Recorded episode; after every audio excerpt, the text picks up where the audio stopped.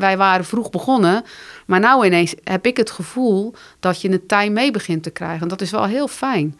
Want ik, ik bedoel, het is niet dat ik schuren nou zo leuk vind, hoor, Wouter. of dat ik het wel makkelijk vind. Je luistert naar Voer voor Verandering. In deze podcast gaat Wouter Mulders samen met collega's een aantal experts aan de tand voeden over de praktijk van transities. Want door transities naar duurzaamheid en rechtvaardigheid te begrijpen, kunnen we ze ook versnellen. Althans, dat hopen we. Welkom bij aflevering 4 alweer van dit tweede seizoen Voer voor Verandering.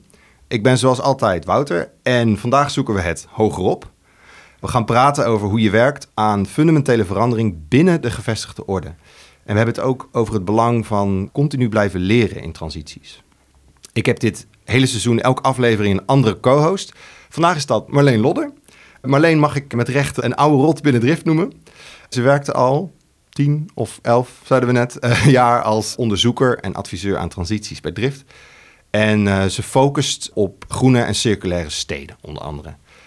Marleen, jij wilde heel graag Caroline Vries spreken. Waarom is dat? Ja, ik heb Caroline leren kennen. We kwamen er eigenlijk net achter, we hebben elkaar nog nooit in persoon gezien. Dus dat, uh, we hebben elkaar leren kennen toen we in de coronatijd samen gingen werken. Caroline was al langer bezig in de gemeente Rotterdam. Ik heb haar echt leren kennen als een gedreven ambtenaar.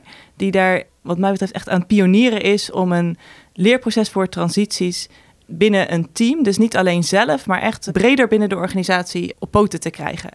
Oké, nou dat, dat lijkt me al een hele goede reden om haar te spreken. Nog even de, formele introductie. Caroline heeft een juridische achtergrond van oorsprong. Dat vind ik opvallend, want onze vorige gast, Wiro Gruijzen, die, die had dat ook. Dus misschien zit daar wel een uh, verbandje. Ze werkt eigenlijk al uh, sinds haar afstuderen bij de gemeente Rotterdam. Uh, heeft eerst veel aan veiligheid gedaan, maar is sinds een jaar of drie dus bezig, en dat zei jij ook al Marleen, met leren, ontwikkelen en reflexief monitoren in actie bij de gemeente Rotterdam. Nou, dat lastige woord met de letters RMA, daar gaan we het zeker nog over hebben, reflexief monitoren. Maar eerst natuurlijk, Carolien, fijn dat je er bent. Nou, dankjewel Wouter en Marleen voor het vragen. Ja. Top. Hoe zit je erbij vandaag? Nou, ik heb eigenlijk van vier tot uh, dat ik op moest staan wakker gelegen. Oh jee. maar niet hiervan, nee, helemaal oh, nee. Okay. Het was iets anders. Okay. Dus ik zit een beetje zo van, een beetje spacey. Uh. Oké, okay, nou een beetje spacey. Nou, we gaan het volgens mij ook over ruimte hebben, dus uh, space, spacey mag altijd. Ja. ik wil even bij het begin beginnen. Wanneer dacht jij eigenlijk van, nou, ik, ik werk nu bij de gemeente, maar ik, ik wil echt ingrijpend de boel omgooien. Of ik wil echt met andere mensen aan werken. Wat, wat Marleen al zei, van ik, ik wil het echt veranderen, zeg maar, binnen wat wij het regime of de gevestigde orde noemen. Nou, dat begon eigenlijk toen de drie grote decentralisaties uh, in het welzijnsdomein waren. In die tijd mocht ik transitiemanagement doen hier aan de Eur. En toen ik daar zat, toen botste wat ik daar leerde over wat een transitie is en wat die zou moeten brengen met wat ik in de praktijk op mijn werk meemaakte. Mhm. En dacht ik van ja, wij zijn helemaal niet bezig met een transitie. We zijn gewoon aan het reorganiseren en geld aan het verschuiven. En er verandert ten diepste helemaal niks. Ja, de decentralisatie, dat betekende dan dat het, de overheid, het Rijk, veel meer taken naar de gemeente Ja. bracht. En dat is in drie rondes gegaan, Ja. zei je. Ja. Maar het werd gebracht als we gaan het echt helemaal anders doen. Meer de, hè, de klant centraal ja. en dat soort dingen. En daar heb ik ook wel dingen van gezien. Maar toch ging het daar maar heel weinig over in mijn beleving. Dit was voor het eerst dat ik dacht... Mhm. en toen deed ik transitiemanagement en dan leerde ik... en ik vond reflexief monitoren daarin iets wat het praktisch maakte. Hè? Want transitiemanagement is heel abstract en wat de fantastische docenten. Maar de dag dat wij les kregen van PJ, dacht ik, hè, hè, nou, nou, dit gaat helpen duiden in de praktijk waar we nou eigenlijk mee bezig zijn. Ja. ja, want voor de duidelijkheid, jij hebt dus de opleiding transitiemanagement gedaan bij Drift en bij Ja. de Erasmus Academie. Daar kreeg je ook een les van P.J. Beers, eh, die we al eerder in de podcast hebben gehoord. En die had het dus over reflexief monitoren. Jij was al bezig, je wilde dat er echt dingen gingen veranderen. Die decentralisatie, dat bracht niet wat jij wilde. Nee. En, en wanneer was dat? In welk jaar weet je dan nog dat je die cursus hebt gedaan? Eh, transitiemanagement heb ik toevallig opgezocht, 2016. Ja, en toen daarna, wat, wat ben je toen gaan doen? Wat, wat was je Ik heb toen stap? geprobeerd om in mijn adviesrol op het snijvlak van zorg en veiligheid daar, daar, hè, dat op de, op de agenda te krijgen. Ook gesproken met managers van weet je, als we dit ook samen willen doen en de, de kansen willen grijpen die die transities zouden kunnen bieden, dan zouden we meer dit of meer dat. Maar dat, dat lukte niet echt en toen op een gegeven moment was ik er ook wel een beetje klaar mee. Hm. Maar toen kon ik als procesbegeleider aan de slag bij de omgevingswet. Het programma Implementatie Omgevingswet. En dat is ook een enorme transitie. En daar zat een programmateam dat heel duidelijk voelde van ja, wij worden gevraagd om een aantal nieuwe instrumenten te ontwikkelen. Maar de bodem onder die instrumenten is een andere houding, een ander soort overheid zijn. Maar daar praten wij niet over met elkaar, terwijl we dat aan het ontdekken zijn. En daar zouden we meer over willen hebben, zodat we daar ook onze collega's in mee kunnen nemen. En toen dacht ik, hé, hey, hier zouden we reflexief monitoren op in kunnen zetten. En zo zijn we ermee gestart. Ja, je zegt, we moeten een, een ander soort overheid zijn. Ja. Wat voor soort overheid zou je dan willen zijn? Nou, dat gaat over dat je veel meer jezelf als partner ziet van andere spelers in het veld als het gaat om de transities. En niet als degene die bepaalt of de regie voert.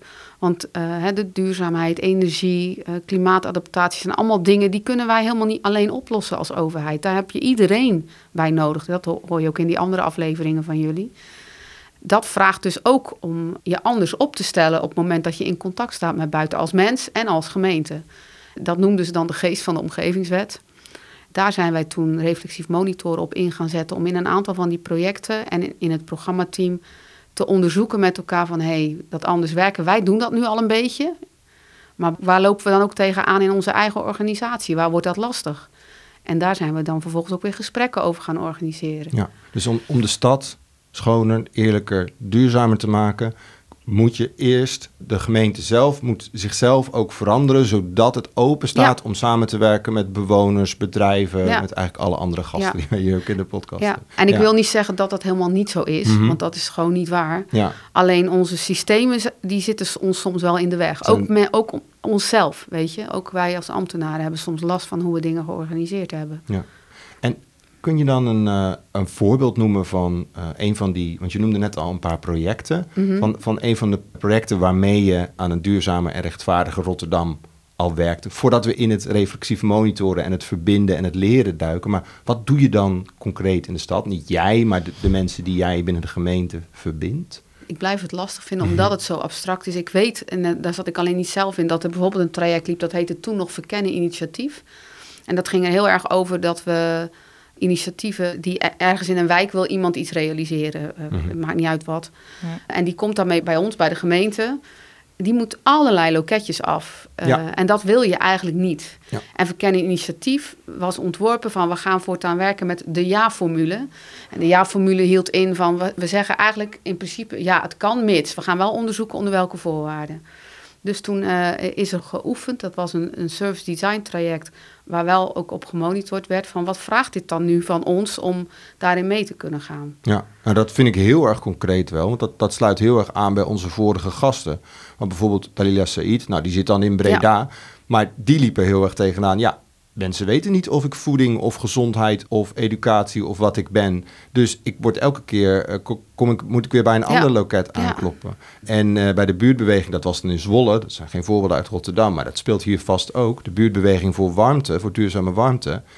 Die zeiden van, ja, we hebben, we hebben nieuwe regels nodig. Het, moet anders. Wij ja. zijn een ander soort partij. Dat, daar moet je open voor staan. En jij bent dus iemand die achter de schermen bij de gemeente die hokjes groter maakt en die luiken openzet. Nou ja, wij helpen mensen hmm. zich bewust te worden van die begrenzing van die hokjes en de discussie aan te gaan om die groter te maken. Dus wij zijn echt een faciliterende rol. Dus Ja. wij zorgen dat mensen op het moment dat ze schuring voelen of dat het niet lukt, dat ze daar niet van weglopen. Want dat is wat wij als mens makkelijk doen. Ja. Maar juist gaan onderzoeken van wat, wat gaat hier nou niet goed? En wie heb ik daarbij nodig? En hoe ga ik het gesprek daarover aan? En wat vraagt het ook van mij? Mhm. Uh, dus dat, dat doen we in die projecten uh, waar we actief zijn. En zo gaan we dat ook bij Wijk aan Zet doen. Hè? Van hoe lukt het nou echt om de wijk in Rotterdam aan zet te krijgen? Oké. En wat is, wat is Wijk aan Zet? Wijk aan Zet is een, uh, een groot programma in Rotterdam... wat bedoeld is om... Het is, ja, ik, ik kan het niet helemaal, want Mhm. ik ben er niet van. Maar de, de deelgemeente is op een gegeven moment opgeheven. Er kwamen wijkraden, maar de, de gemeenteraad merkt wel dat de focus vanuit de, eh, ons apparaat toch nog veel al op de grote lijnen is en Ja. minder op de wijk. Ja. Ik denk dat je het zo een beetje kan samenvatten, maar Mhm. die vind ik listig.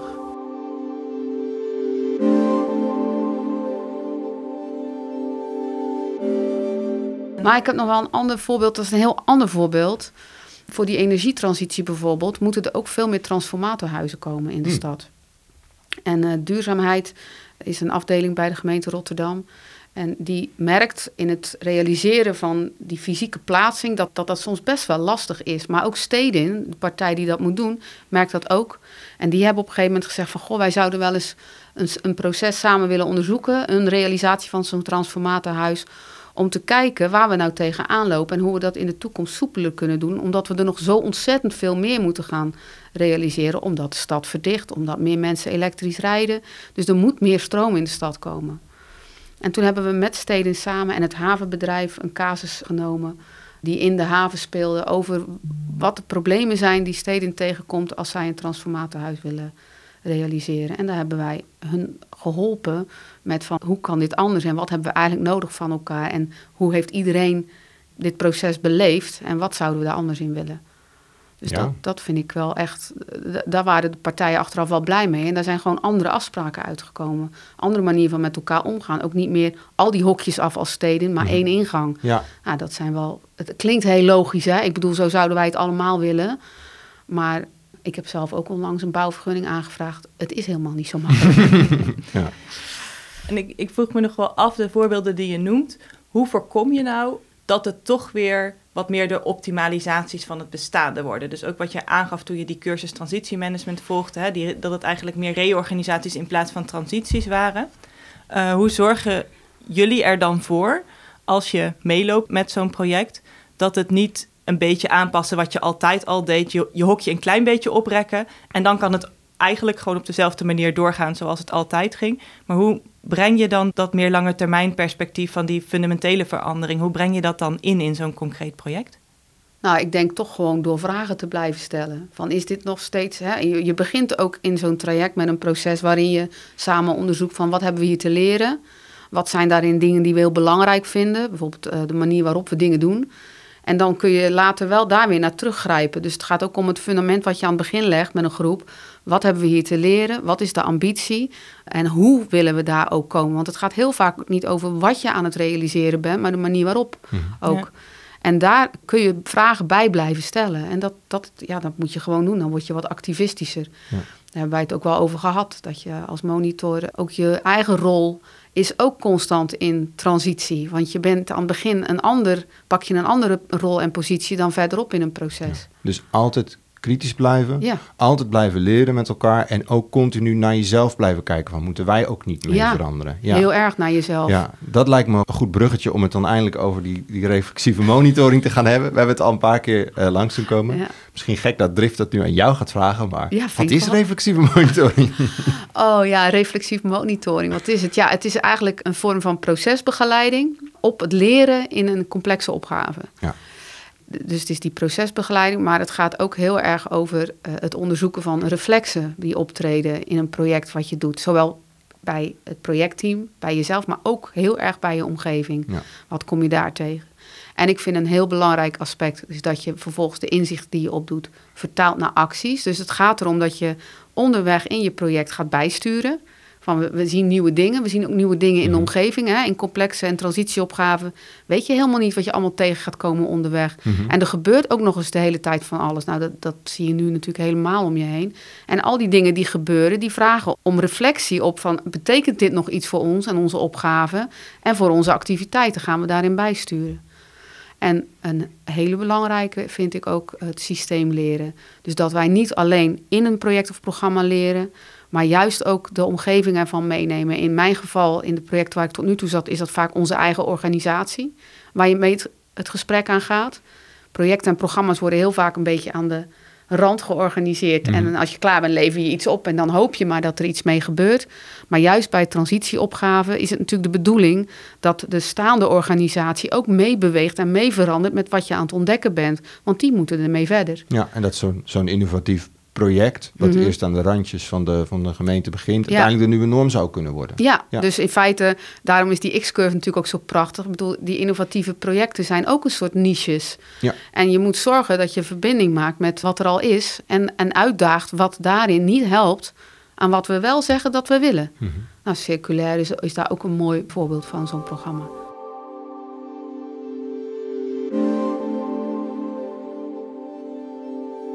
Marleen, ik kijk even naar jou. Deze samenvatting. ik als communicatiepersoon, ik zou hem zo op de website zetten. Wat, eh, hoe vond jij dat? Ja, zeker. Heel mooi. Ook hoe je begint eigenlijk met die complexe projecten. Maar voor complexe projecten die niet over fundamentele verandering, niet over transities gaat, kan je ook nog andere soorten monitoring in voor gebruiken. Maar juist die complexe projecten die ook een heel groot deel aan systeemverandering vragen en ook de omgeving mee te veranderen. En ook vooral hoe je dat in actie omzet. Uh, en daar legt hij ook al de nadruk op van hoe kun je nu die hele lange termijn van de grote veranderingen waar je aan zo'n begin van het project zegt van hier willen we aan werken, Mhm. hoe kun je die nu ook doorvertalen in toch wat meer de korte termijn acties die je inzet, zonder dat die echt naar het optimaliseren gaan, maar dat die echt wel die radicale lange termijn verandering meenemen in de kleine stapjes die je dan maakt en dan weer die ruimte maken voor die reflectie daarop. Dus even een stapje terugnemen. Wat hebben we nu geleerd en wat zijn dan de vervolgacties die daar weer voor nodig zijn? En wie moet je daarbij betrekken? Mooie aanvulling ook. Ja, als ik het zo Vind ik hoor. wel fijn. Ja. Ik kan dat- het later allemaal nog terugluisteren. Ja, ik hoop dat hij erin blijft. ook, ook. Hey, als, ik het zo, als ik het zo hoor, eh, ik hoor tijd nemen, ik hoor nieuwe vaardigheden leren, ik hoor reflecteren met elkaar. Dat zijn allemaal dingen die, die tijd kosten, ook voor jezelf Ja. en voor je team. Terwijl, ja, waar je ook werkt of wat je ook doet, het is, je weet, er moet ontzettend veel gebeuren en het is jagen, jagen, jagen. Hoe, hoe maak je daar tijd voor? Hoe creëer je daar ruimte voor? Ja, dat is echt wel goed gehoord. Dat is de grootste uitdaging. Ik weet wel, bij de omgevingswet hebben we het zo gedaan dat we eigenlijk elke programmateam bijeenkomst, zeker de wat langere, die, die stonden helemaal in het teken zonder dat we dat expliciet benoemden van dat leren, uitwisselen, reflecteren. Dus in, zo probeer je dat te doen. Dus je smokkelt het ergens binnen Je eigenlijk. smokkelt het binnen. En zeker wij, wij zijn echt als een soort. Ja, nou, we hebben het wel gevraagd. Hè. We zijn alleen begonnen. Nee, ja, logisch hebben we het gevraagd. Maar we zijn begonnen daar waar mensen zeiden: Ja, ik wil dit, dit, deze uitdaging aan. Ik voel dat wij aan het leren zijn, maar ik kan helemaal niet zeggen wat. En ik wil dat heel graag onderzoeken. Dus bij die mensen zijn we begonnen. Hmm. Maar ik merk ook wel bij eh, Wijk aan Zet hebben we onszelf echt binnengesmokkeld. Daar zijn we gewoon een jaar lang gaan lobbyen. Omdat wij dat programma zagen als een enorme uitdaging. Dingen die we erover hoorden. Dachten we van nou, als we ergens actief zouden willen zijn, is het daar. Dus we zijn nu nog best wel via netwerken en intern lobbyen proberen we actief te worden eh, als monitor. En inmiddels komen de vragen naar ons toe van ik hoor hiervan, wat is het nu? Eh, het, het lijkt me iets voor mij. Zo is het ook begonnen dat we mensen zijn gaan opleiden om het te doen met Drift samen Mhm. intern. Dus het, het is zoeken en je hebt er, eh, de energie moet er wel zijn, zeker bij je projectleider. En bij de rest eh, smokkel je het langzaam naar binnen. Ja. Dus daar zetten we ook op in. Dus we, we geven in de zomerschool, wat we in Rotterdam kennen, geven we workshops over wat het is. Of ik ga eens naar een teamoverleg om daar wat over te vertellen. Ik ga begin van het jaar naar alle project-startup begeleiders om daarover te vertellen. Ja, en dan zo langzaam breid je dat netwerk uit. En we zijn zo ook alle projectbureaus die weten wat wij doen, althans de leer- en ontwikkelmensen daar. Dus ik probeer gewoon intern ook heel erg langzaam dat netwerk steeds verder uit te breiden met elkaar. Ja, het werkt wel heel erg goed. eh. het gaat langzaam, maar gestaag. Wat goed. Ja. Ik ehm, ben wel benieuwd. Eh, we hebben natuurlijk dit hele seizoen... vragen we mensen die allerlei verschillende rollen hebben... of Ja. op verschillende plekken in de samenleving aan transities werken.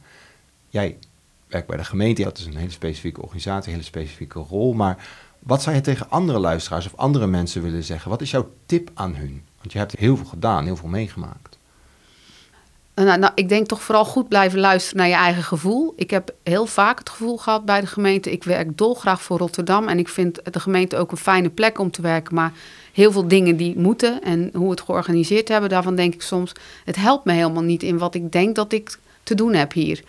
Blijf dat ook gewoon bevragen op een, eh, een beetje opbouwende manier, Mhm. maar daag het uit. En zoek collega's met wie je daar samen dingen aan kan doen. Hè, ik heb, we hebben ook met collega's eh, in 2018 een innovatie driedaagse of een innovate driedaagse georganiseerd. Gewoon uit jezelf, weet je. Je, je, kan, je kan heel veel doen vaak in je eigen organisatie. Dat merk ik zeker in Rotterdam ook, is daar echt wel ruimte voor. Ja. Dus als je denkt dat iets anders kan, ja, je, je kan waar je ook zit, kan je ruimte zoeken en de ruimte oprekken waarin Ja. je opereert.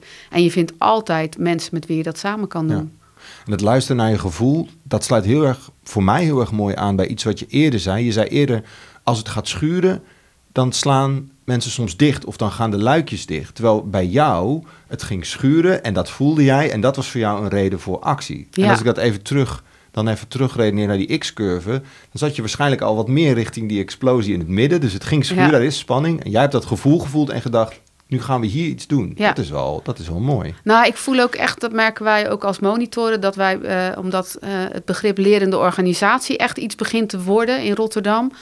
Eh, en ook de, het besef van, hé, hey, als wij toekomstbestendig eh, willen zijn, dan moeten we wel echt veel lerender worden en veel onderzoekender. Dus wij proberen ook die golfjes mee te pakken, weet je wel. Dus we- wij waren vroeg begonnen, maar nou ineens heb ik het gevoel dat je het tij mee begint te krijgen. En dat is wel heel fijn. Want ik, ik bedoel, het is niet dat ik schuren nou zo leuk vind, hoor, Wouter. of dat ik het wel makkelijk vind. Ja. Maar ik denk misschien juist omdat je het durft te benoemen... En, en ook durft te zeggen dat je het zelf ook spannend vindt... is het ook makkelijker voor andere mensen om ook een keer te durven, te durven schuren. En jullie hebben ook tools en een achtergrond aan ervaringen hoe je om kan gaan met als het schuurt. En, Ja. en, en hoe je daarvan kan leren en het ook juist weer te verbinden Ja. aan... Dan komen we verder, in, hè, in, in- om in, in X-curve termen eh, te blijven. Dan kan je gaan kijken naar hoe kan je dit in nieuwe structuren een plek geven. In plaats van dat je misschien in die reflex van met die oogjes dicht... veel meer teruggrijpt naar wat je al weet, omdat daar je veiligheid zit Ja, kunnen jullie juist ook door de begeleiding die jullie geven, die veiligheid bieden van hé, hey, we hebben dit vaker gedaan. Als we het nou eens op deze manier aan gaan vliegen, dan komen we wel verder om die, ja, die, die Ja. pijn aan te pakken en die structuren te doorbreken. dat klopt. Ja, want we, hebben ook echt, we zijn ook echt werkvormen aan het ont- ontwikkelen en eh, uitproberen, hebben we ook al gedaan. Om ook dan die gesprekken met, hè, met je eigen regime aan te gaan. En dat, dat werkt eigenlijk best wel goed. Het is nog in het begin, maar dat, eh, ja. wij, wij leren zelf ook heel veel als monitoren met elkaar. En blijven ook continu elkaar scherp houden op eh, hoe doe je dit. En, Ja, want dat is nog een ander onderdeel van, van wat, wat ik zo opmerkelijk vond in van hoe, hoe jij dit organiseert met, met je collega's. Is dat jullie dat daar ook echt, en dat eh, komt ook terug op dat het wel tijd kost. Maar daar maken jullie ook echt ruimte eh, voor. Voor ook hoe jullie leren van deze nieuwe rol. Want die is ook voor eigenlijk voor iedereen die dit gaat doen. In, bij de gemeente is dit ook een hele nieuwe manier van werken. En Ja, dat klopt. We noemen ons een gilde. Het gilde reflexief monitoren in actie vonden we gewoon een mooi woord. Maar ook omdat in gilde ook dat zit van leermeester en gezel van vroeger. Van je kan al heel, je, heel veel mensen kunnen deze rol best pakken. Ons, ons streven is dat wij niet meer nodig zijn, maar dat we de reflexiviteit in onze organisatie zo hebben vergroot dat in elk programma waar dat nodig is, iemand die rol zou kunnen pakken. Ik denk dat dat nog wel even duurt. Maar dat is wel het streven. En zo proberen wij ook iedereen die nu de training heeft gedaan, of die als monitor actief is, ja, die kan eh, een paar keer per jaar eh, eh, bij een bijeenkomst komen waarin we gewoon ja, uitwisselen, delen, eh, waar je je eigen vragen in kan brengen over een traject waar je actief bent. Dat Ja. soort dingen. Oké, Carolien van het gilde van fundamentele veranderaars, dus eigenlijk bij de gemeente Rotterdam, eh, die continu aan het leren zijn. Dat is wel een mooi bruggetje naar nou ja, ons, naar de podcast. We zijn ook van jou weer aan het leren over hoe dat in de praktijk werkt. Ik heb veel gehoord over activisme en eigenlijk radicale nieuwe ideeën binnensmokkelen en nieuwe manieren binnensmokkelen. Je hebt verteld dat je naar je gevoel moet luisteren en ook als het schuurt dat je toch dan ook actie kan ondernemen, dat je dat kan voelen. Ja, en dat je bondgenoten aan het zoeken bent en het steeds probeert te verbreden. Ik vond het een heel fijn gesprek, ik vond het heel leuk om je te ontmoeten. Ik hoop dat jij het ook eh, fijn vond. Ja, ik vond het hartstikke leuk. Ja. Tof. Marleen, jij ook bedankt. ja, veel geleerd weer van wat jullie, wat jullie doen en hoe je daarnaar kan kijken.